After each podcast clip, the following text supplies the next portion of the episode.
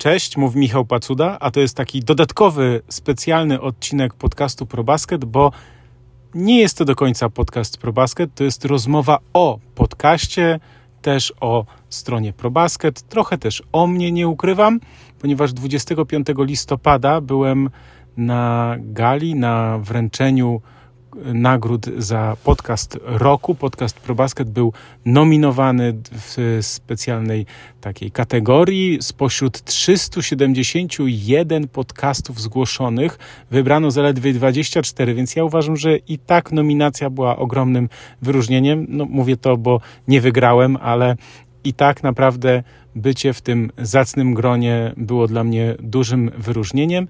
Byłem w Rzeszowie na gali, ale wcześniej, przed galą, były takie spotkania autorskie tylko z kilkoma osobami. Było też między innymi takie spotkanie ze mną. Rozmowę przeprowadził dziennikarz Radia Rzeszów, Romek Adamski, któremu bardzo, bardzo dziękuję za naprawdę profesjonalne podejście, profesjonalną rozmowę, świetną atmosferę, też opowiedzenie potem już po nagraniu kilku ciekawych historii odnośnie Rzeszowa i w ogóle historii e, konkursu. Także słuchajcie, zachęcam do posłuchania tej e, rozmowy. To jest rozmowa ze mną, trochę o podcaście, trochę o probaskecie, trochę też o mnie. E, mam nadzieję, że umili Wam chwilę, bo najbliższy podcast z Krzyśkiem na żywo nagrywamy w czwartek 7, tak, 7 grudnia, więc taki Taki dodatek e, ode mnie. Mam nadzieję, że będzie Wam się miło słuchało. Pozdrawiam i zachęcam do posłuchania. Dzień dobry bardzo. Witamy na kolejnym spotkaniu autorskim e, w finale, wielkim finale podcast roku 2023. Naszym gościem jest Michał e, Pacuda, podcast ProBasket, nominowany w tym roku, a rozmowę prowadzi Roman Adamski, Polski Radio Rzeszów.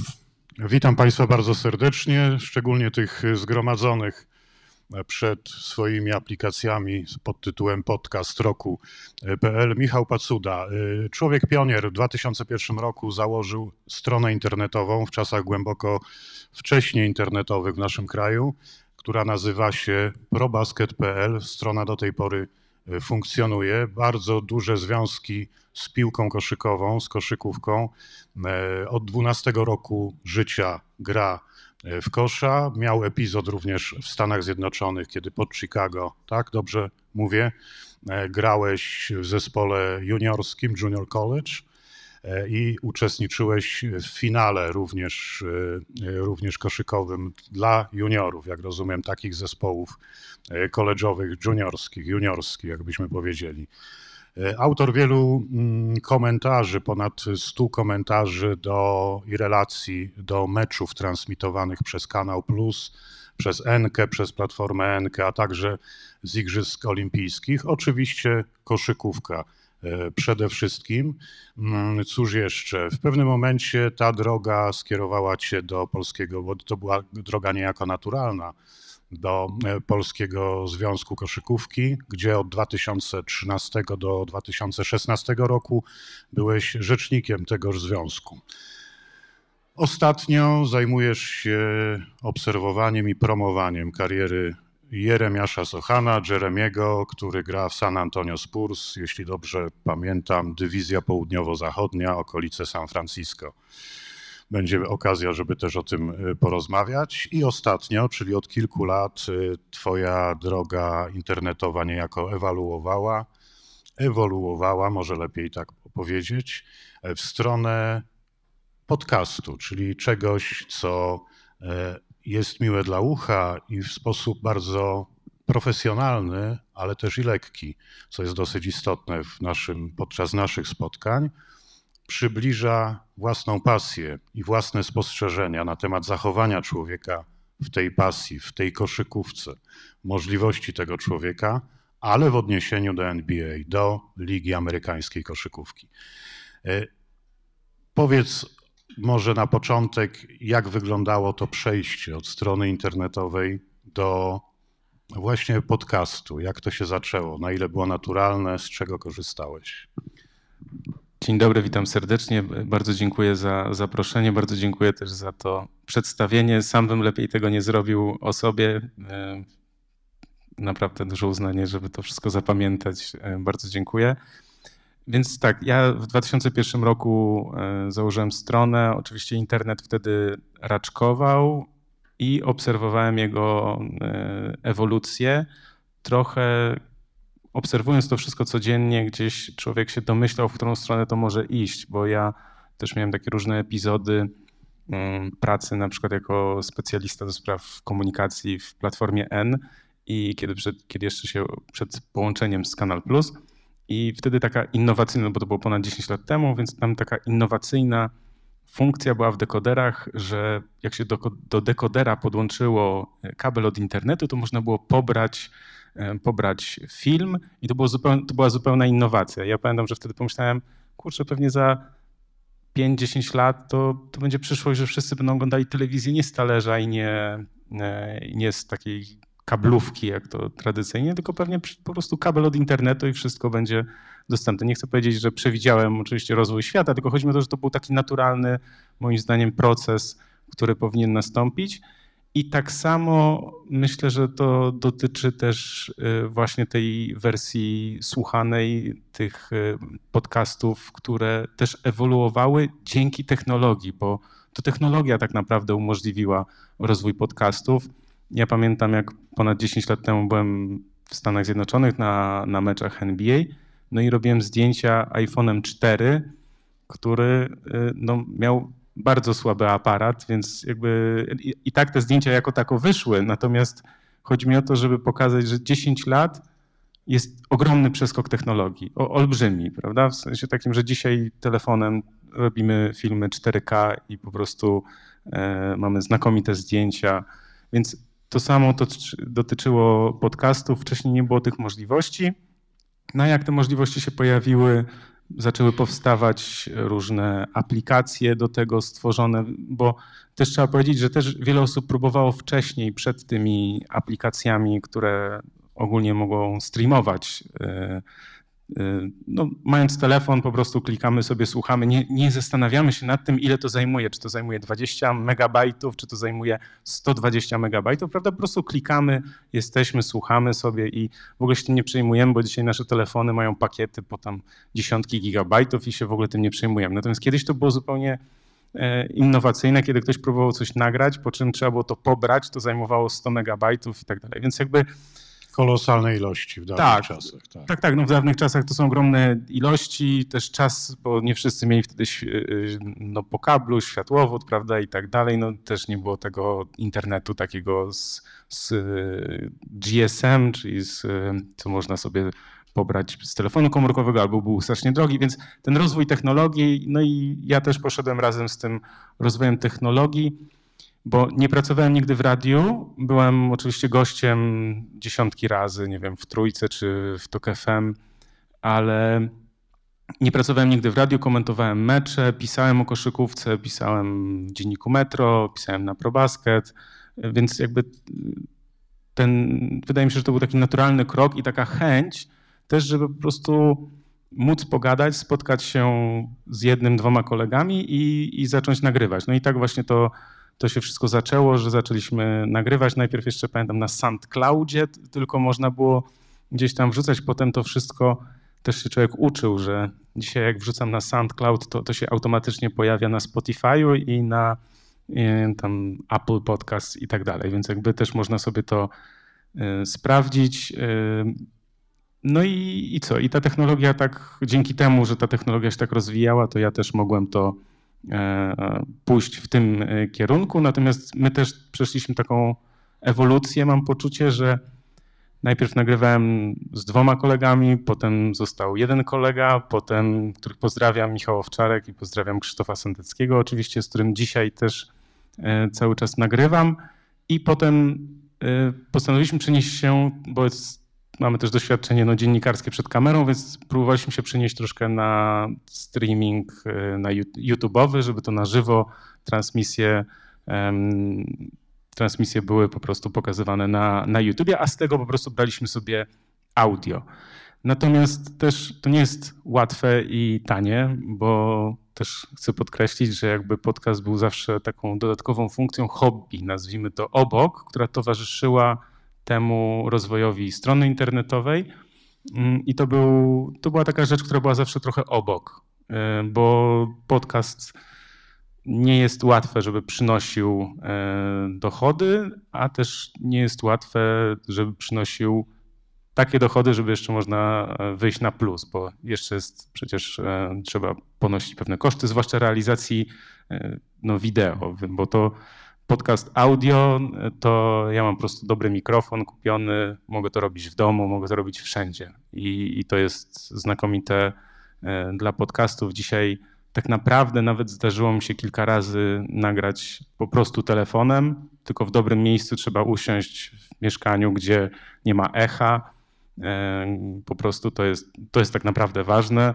Potem można to gdzieś w programie do, do dźwięku gdzieś tam sobie troszkę poprawić i mamy, mamy nagranie audio, natomiast wideo, no to jak to było w legendarnych e, filmach Mistrza Barei, to wszystko musi mieć jakiś wyraz. I wideo musi wyglądać. To znaczy, można albo robić, że jesteśmy sobie, siedzimy ja w domu, ktoś w domu i po prostu wycinamy sobie gdzieś tam kawałek i, i nadajemy z domu. To jest też, no myślę, że też dość powszechna praktyka i to też potrafi wyglądać dobrze.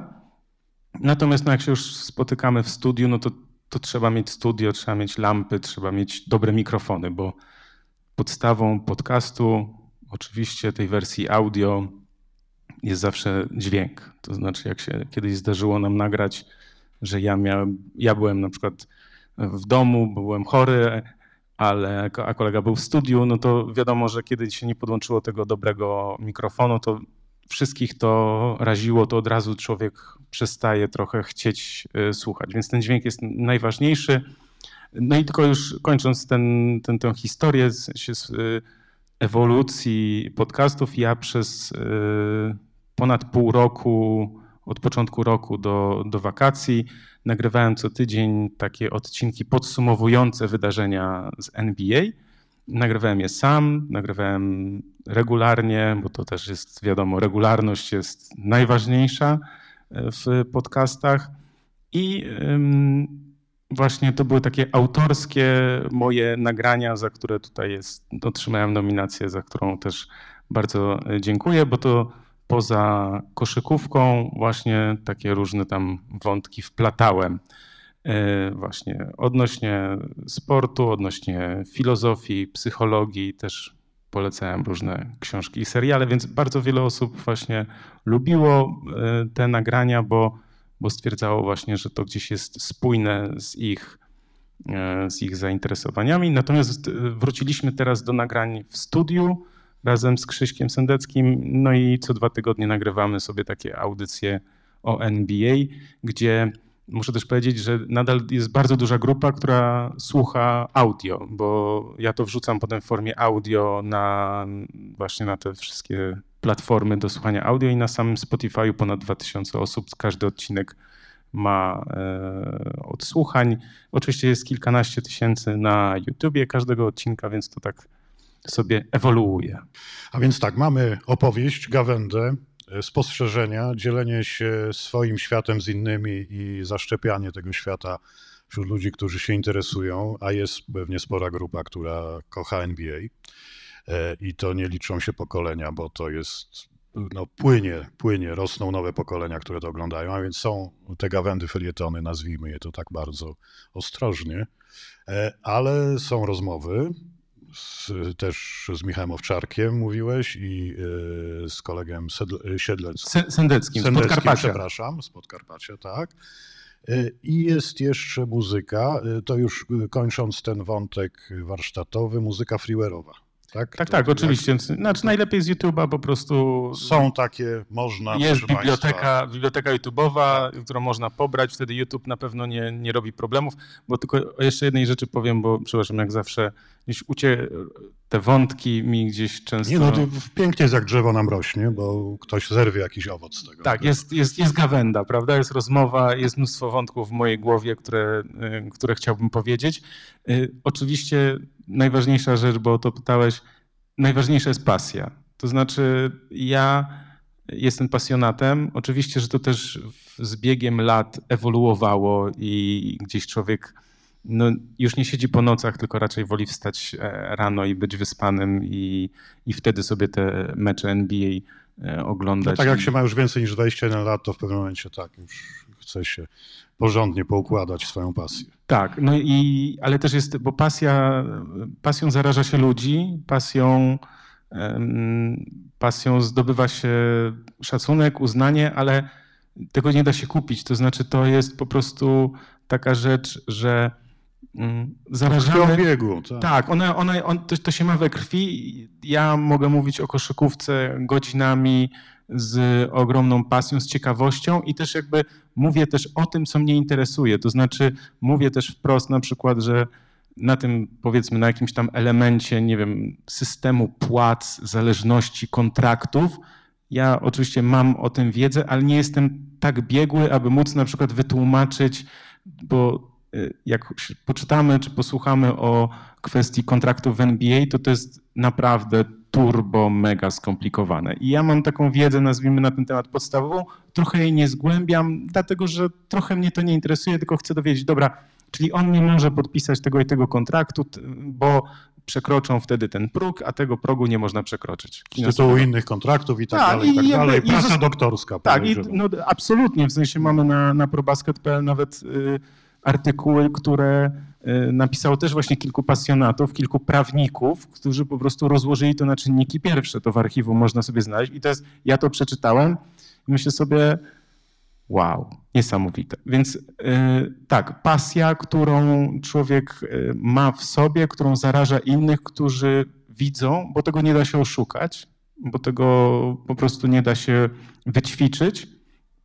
Natomiast też takie zgodna ze sobą, to znaczy z tą ewolucją też człowieka, bo naszego podcastu, mojego podcastu słuchają w bardzo dużej mierze ludzie w podobnym wieku do mnie, czyli w takim przedziale 35-44 i dopiero potem druga grupa to jest 25-34, ale są też osoby, które mówią, że dla nich na przykład jest za wolno, za, nie wiem, za smutno, ale są też osoby, które mówią, znakomicie się tego słucha, uwielbiam, jadę samochodem, włączam sobie. Wieczorem przed spaniem włączam sobie, to mnie ktoś nawet pisał regularnie, miałem takiego y, słuchacza, który regularnie mówi, stary, dziękuję, pisał to w komentarzach, uspokajam się po, po, po, wysłuchaniu. Ja oczywiście mówiłem o NBA, ale to jakby nie przeszkadza, żeby też człowiek szedł jakby swoją drogą, to znaczy takim, że mamy taką tendencję, że teraz wszyscy próbują robić takie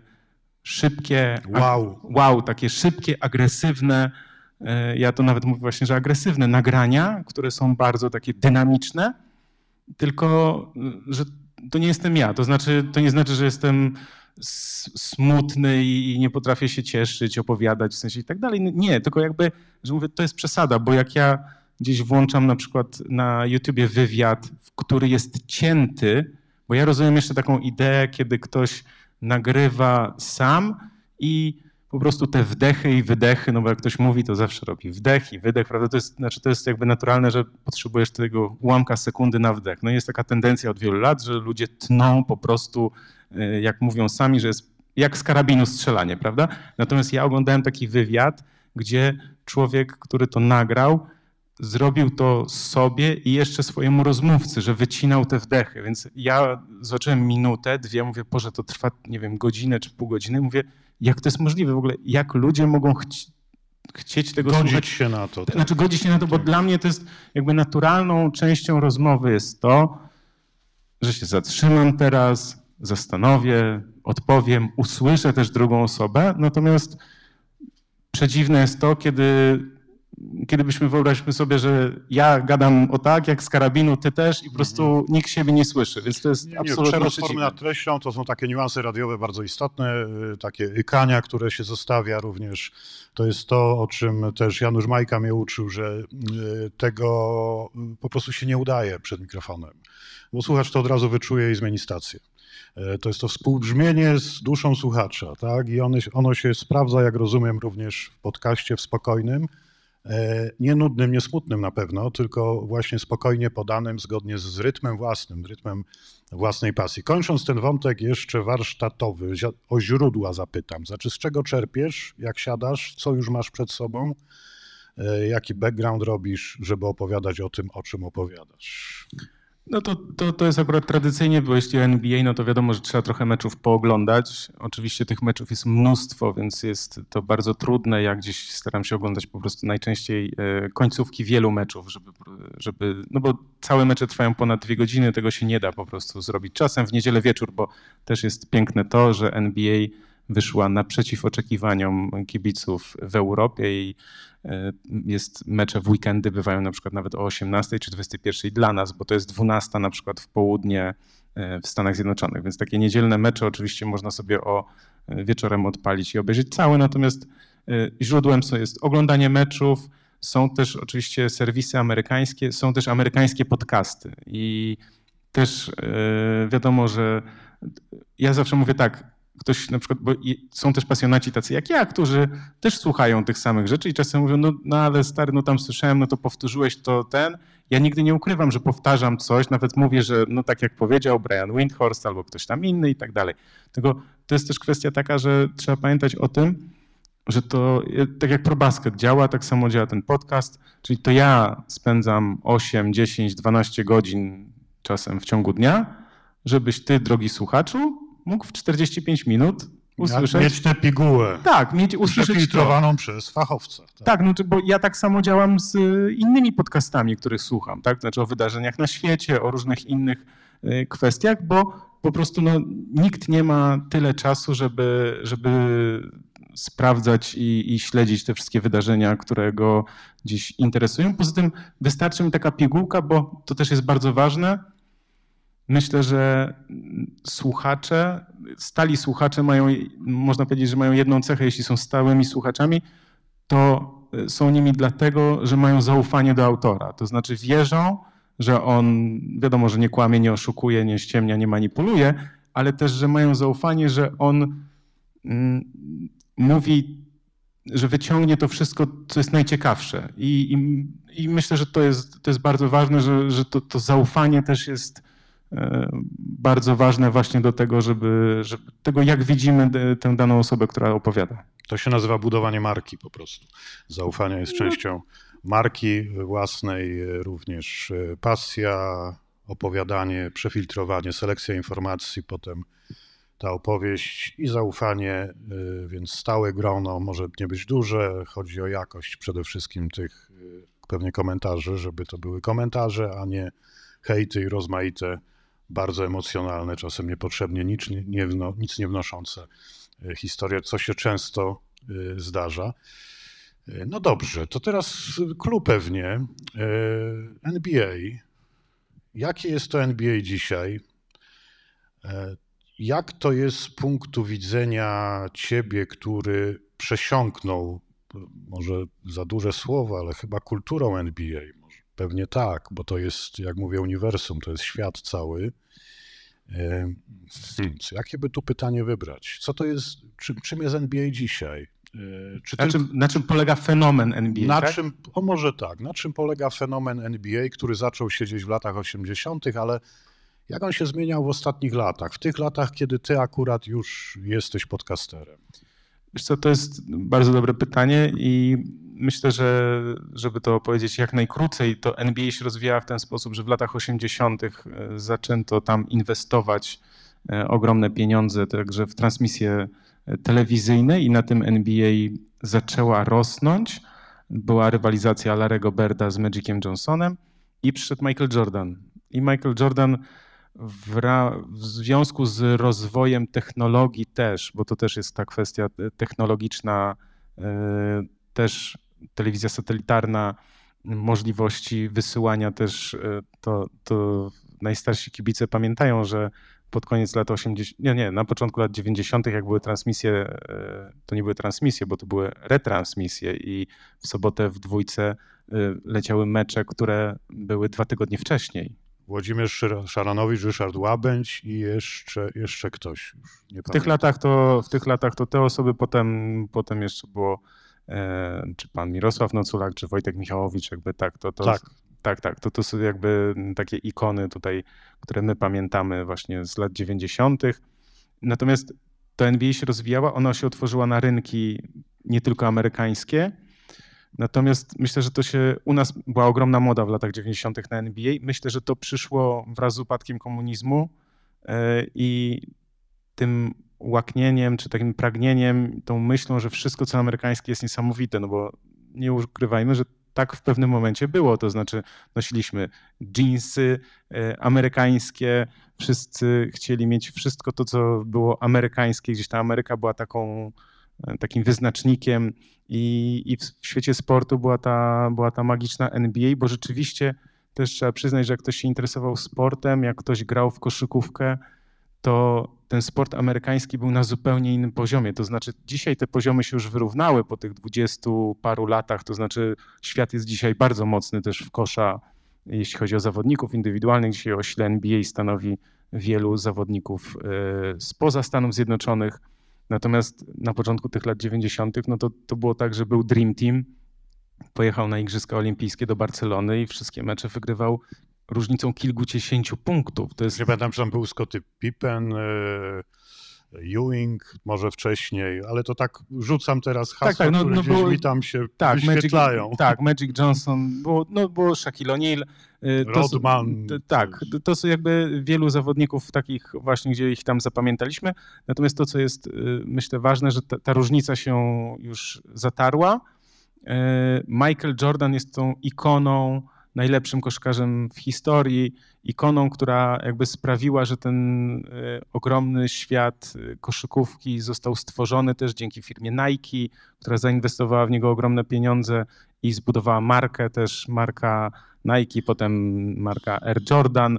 E, to też jest jakby jedna z największych, najpopularniejszych marek świata w ogóle, więc jakby ta koszykówka osiągnęła to, że NBA, że po prostu ta amerykańskość się troszkę przeszła w sensie te, na, na te inne kraje. Wszyscy to śledziliśmy, natomiast e, koszykówka NBA na początku lat 2000 miała swój kryzys, to znaczy gdzieś po odejściu Michaela Jordana czekano na, ikonę. na ikonę, na przyjście kolejnej wielkiej gwiazdy. Tej gwiazdy przez pewien czas nie było. Było, wygrywała tak zwana koszykówka defensywna, czyli obrona, co też tak wielu kibicom się nie podobało. E, zarzuty wobec NBA są takie, że tam się na przykład nie broni, tak niektórzy twierdzą.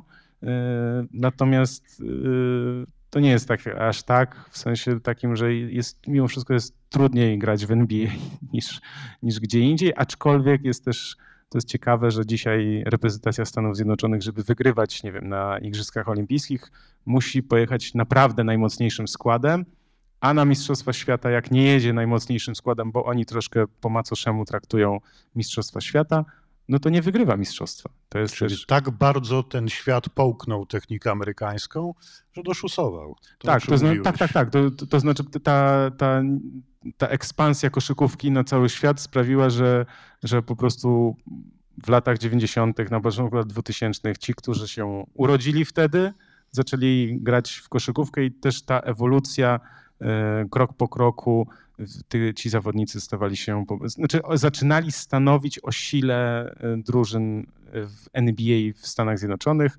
Dzisiaj NBA oczywiście jest wielkim,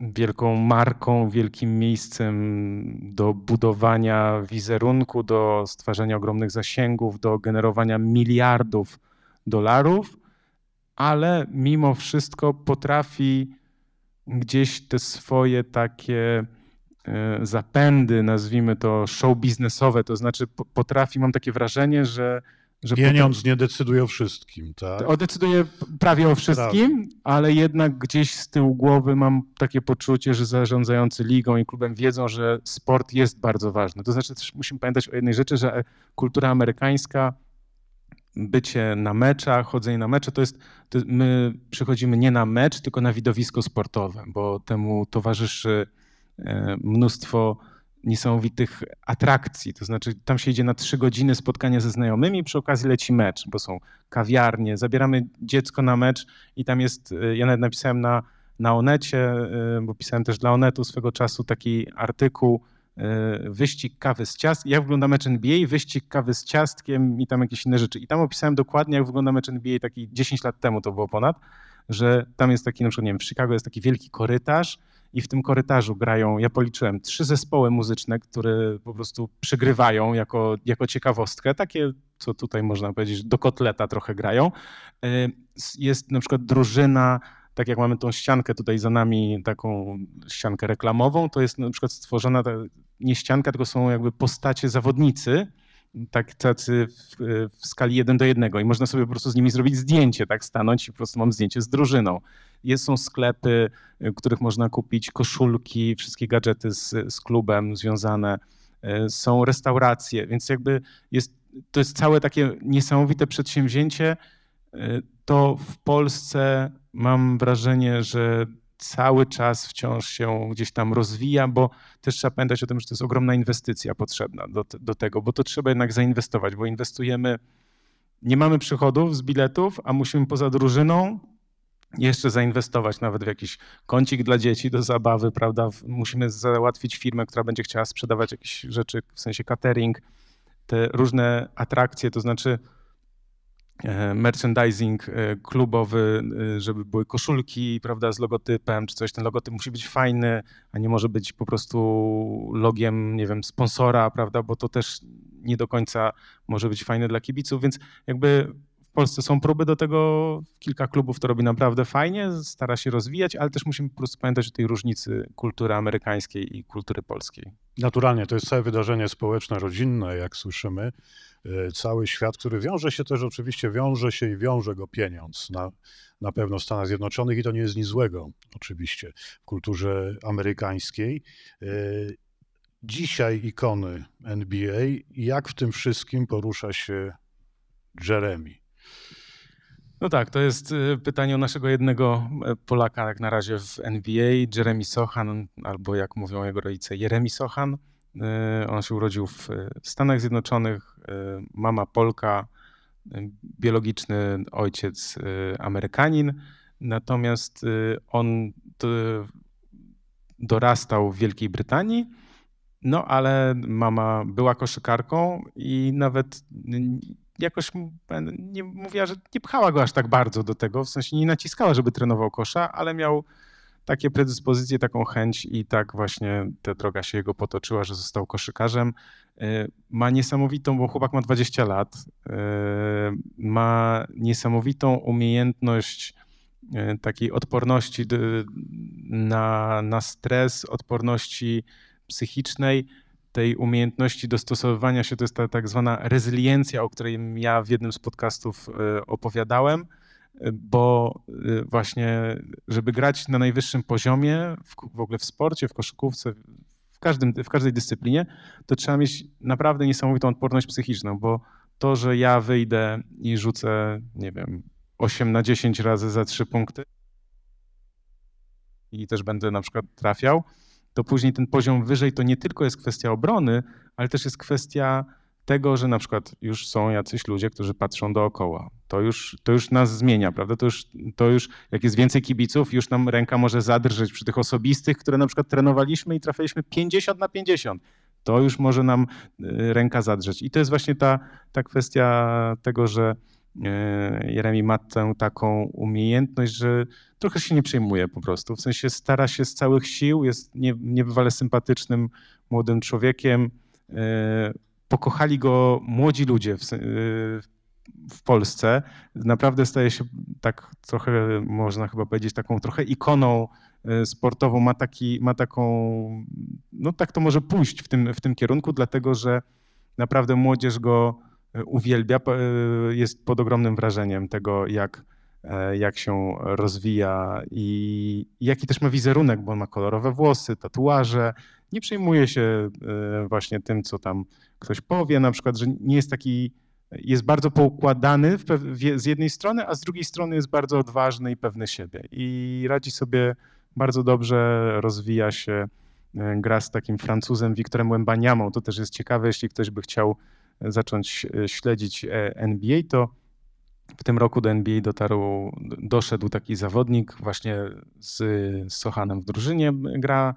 Wiktor Wembaniama ma ponad 220 cm wzrostu, a elastyczność ciała i sprawność fizyczną tak jakbym miał 1,80 m albo mniej. Więc to jest też w koszykówce to jest też takie charakterystyczne, że e, w kosza mogą na najwyższym poziomie gra, grają ci, co na przykład jak ma 2 metry, to ma sprawność tego, co ma 1,70 m czy 1,80 m. Jak ma 2,10 to ma sprawność tego, który ma 1,85 m czy 1,90 m. Więc jakby to jest taka też charakterystyczna rzecz dla, e, dla koszykówki. I charakterystyczna dla Stanów. Tam muszą być najlepsi z najlepszych.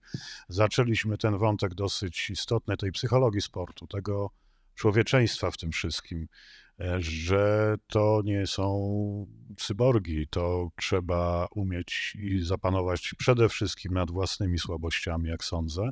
I to ty też podajesz w swoim podcaście. To znaczy, sięgasz po literaturę i od czasu do czasu opowiadasz o książkach. Jakich książkach? Co jest tą podbudową taką filozoficzno-psychologiczną do NBA, do koszykówki? No rzeczywiście, to jest też taka moja druga nie wiem, czy nie chcę mówić, że pasja, ale też taka po prostu jest ciekawość świata. E, polecam różne książki, które aktualnie po prostu gdzieś e, czytam. Rzeczywiście ten element e, psychologiczny jest ważny i myślę, że go można odnieść w tym sensie, że ja po prostu zauważam pewne kwestie takie, że na przykład dany zawodnik, on właśnie, była jakaś tam sytuacja rok temu, no, zrobił takie trzy błędy, które mogły zaważyć w ogóle o, o losach jego drużyny w całej walce o mistrzostwo i tak dalej. Ja mówię, no, mam wrażenie, że ten chłopak się nie podniesie. Tak? Znaczy, po takich rzeczach to jest po prostu bardzo trudno się podnieść. Po czym okazuje się, że on w następnym meczu wychodzi i gra znakomicie. Ja mówię, kurczę, to jest niesamowite, żeby się podnieść po czymś takim zawa zawalonym meczu, w sensie przegranym meczu przez niego ewidentnie, bo popełnił trzy błędy w końcówce, więc jakby nie ma, nie ma co mówić, że, że nie. Natomiast on potem wychodzi i jakby ta odporność psychiczna jest niesamowita. Też świętej pamięci Kobe Bryant, który też był e, no, też legendą, ikoną, takim następcą Michaela Jordana. E, on też ma mnóstwo takich fajnych filmików, e, gdzieś można w archiwum sobie gdzieś internetu znaleźć i tam też jest mnóstwo bardzo fajnych, ciekawych jego wypowiedzi. Kobe był szalony w tym sensie, że był taki bardzo zafiksowany na, na wygrywaniu, niesamowicie był zafiksowany i tak naprawdę no, jak się uprawia zawodowy sport, to trzeba być zafiksowanym. To, to nie jest, zawodowy sport nie jest dla, e, dla każdego, e, ale tam pamiętam, że Kobe Bryant, ja to, ja to odkrywam po prostu, to znaczy Kobe nie żyje już kilka lat, a ja gdzieś staram się czasami sobie gdzieś szukać różnych wywiadów, z nimi oglądam i słucham i i na przykład odkryłem to, że i to jest też takie, żeby to, ja, to, ja to mówię, żeby pomóc też, jakby jeśli mi to pomogło, to sobie myślę, że kto komuś może pomóc. I na przykład pamiętam takie określenie Kobiego Bryanta, który powiedział, że, mm, że najważniejsza kwestia dla niego jest taka, kiedy on gra, kiedy są te kwestie obaw, niepokoju, lęku, stresu, to on mówi, to on powiedział, żeby nigdy nie mówić sobie, że nie, nie, nie ma się czego bać on mówi, nie mów sobie, nie ma się czego bać, bo to jest największe oszustwo, jakie możesz sam sobie wmówić. On powiedział, dał cały wykład na ten temat oczywiście, o tym, że jak pojawia się lęk, niepokój, poczuj go, pobądź z nim i powiedz, okej, okay, w porządku. O swój troszeczkę. Tak, tak, o, po prostu chodzi o swoje... Twój. Tak, tak. I twój. że nie ma co uciekać przed czymś, co jest, prawda? Więc jakby myślę, że to jest bardzo, bardzo ważne e, właśnie w tym aspekcie psychologicznym. A więc y, jak uczyć się bycia człowiekiem od sportowców, od ludzi sportowców, którzy muszą mieć nerwy jak postronki i muszą być, jak mówiliśmy, elastyczni, prawda? To, to jest również w twoim podcaście. Tak, to, to jest trochę w kontrze do tego wizerunku sportowca, który Supermana. ma... Supermana. ale też w kontrze do tego, że sportowiec to ma miliony dolarów, prawda, najlepsze samochody, najpiękniejsze dziewczyny i ogólnie jest królem życia to jest właśnie w tej kontrze, żeby też zobaczyć właśnie ten drugi aspekt tej, tej strony. Tak, bo tutaj najważniejsza jest, żeby nie zwariować ta samodyscyplina, e, jak mówisz Kobe Bryant, e, gdzie w pewnym momencie ta pokora przychodzi wobec własnych umiejętności, które są już odczytywane w całym świecie, są widziane, oklaskiwane i sprzedawane. dosyć ważne. Oczywiście to wszystko, proszę Państwa, na podcaście Michała Pacudy, ale na koniec wątek osobisty, bo no nie, nie uciekniemy od tego, czyli kwestie genów radiowych. Korneliusz Pacuda, pierwszy kowboj Rzeczpospolitej. Wszystkie drogi prowadzą do Nashville. Jesteś synem takiej postaci radiowej. Czego się nauczyłeś od taty? Oj, wielu rzeczy się nauczyłem od taty, tak. Bardzo dziękuję za e, ten wątek, bo to jest też dla mnie tak ważne osobiście. Tata ma 80 lat już, wielką historię, wielką karierę e, za sobą. Dziś cały czas stara się gdzieś być przy tej muzyce country i, i cały czas ma mnóstwo różnych e, pomysłów. Czego ja się nauczyłem?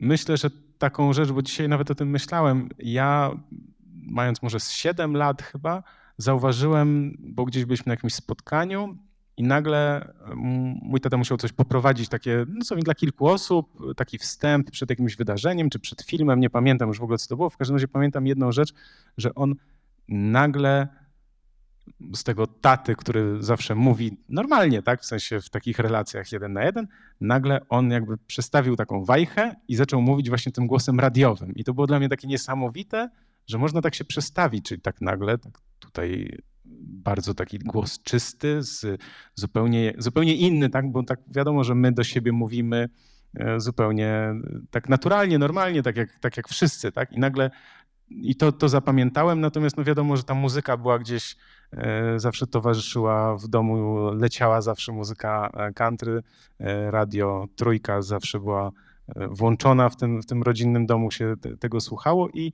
ja myślę, że, no bo tata organizował pikniki country w Mrągowie, ja też tam w pewnym momencie trochę pracowałem, pomagałem przy organizacji.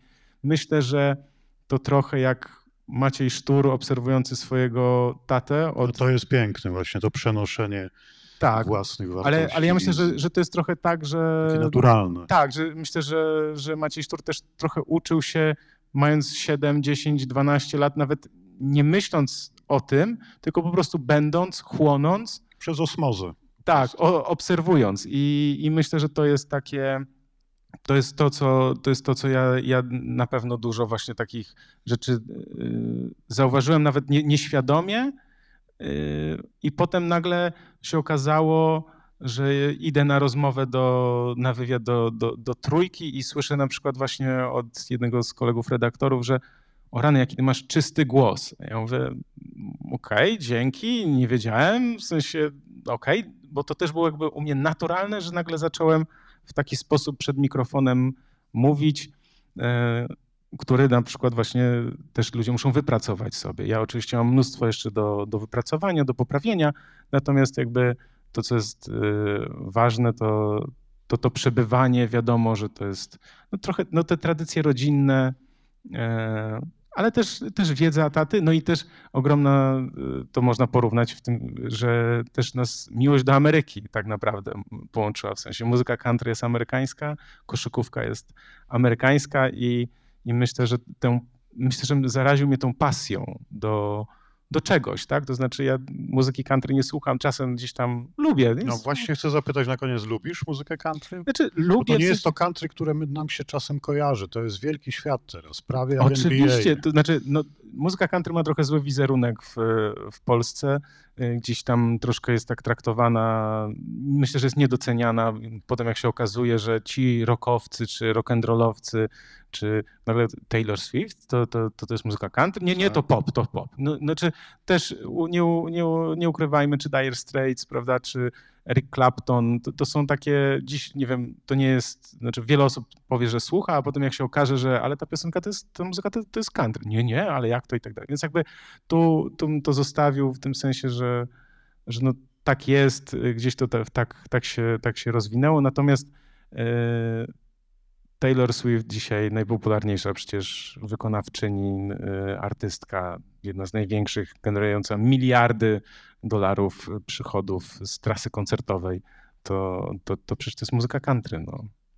Co w najbliższym? probaskecie.pl? Y, wiesz co, no, to, co się dzieje w NBA, to znaczy to, co po prostu wiemy, że się dzieje teraz na, na świecie, w, w koszykarskim świecie, czyli NBA. Czekamy na rozwój wydarzeń. Teraz nagrywamy z Krzyśkiem, moim serdecznym przyjacielem, którego pozdrawiam, Krzyśkiem Sendeckim, więc trochę y, odnosimy się do tego, co dzieje się w bieżących wydarzeniach na parkiecie, natomiast też staramy się też te różne wątki, takie co nas poruszy w danej kwestii, to staramy się no też gdzieś tam właśnie zahaczać. Ja się zastanawiam, czy Taylor Swift byłaby dobrym podkładem do opowieści o Kobe Bryancie, ale to już zostawmy to pytanie otwarte, może w komentarzach się pojawi. Michał Pacuda, probasket.pl, kandydat, jeden z finalistów dzisiejszego trzeciego finału gali podcast roku.pl imienia redaktora Janusza Majki był naszym gościem. Dziękuję bardzo. Bardzo dziękuję.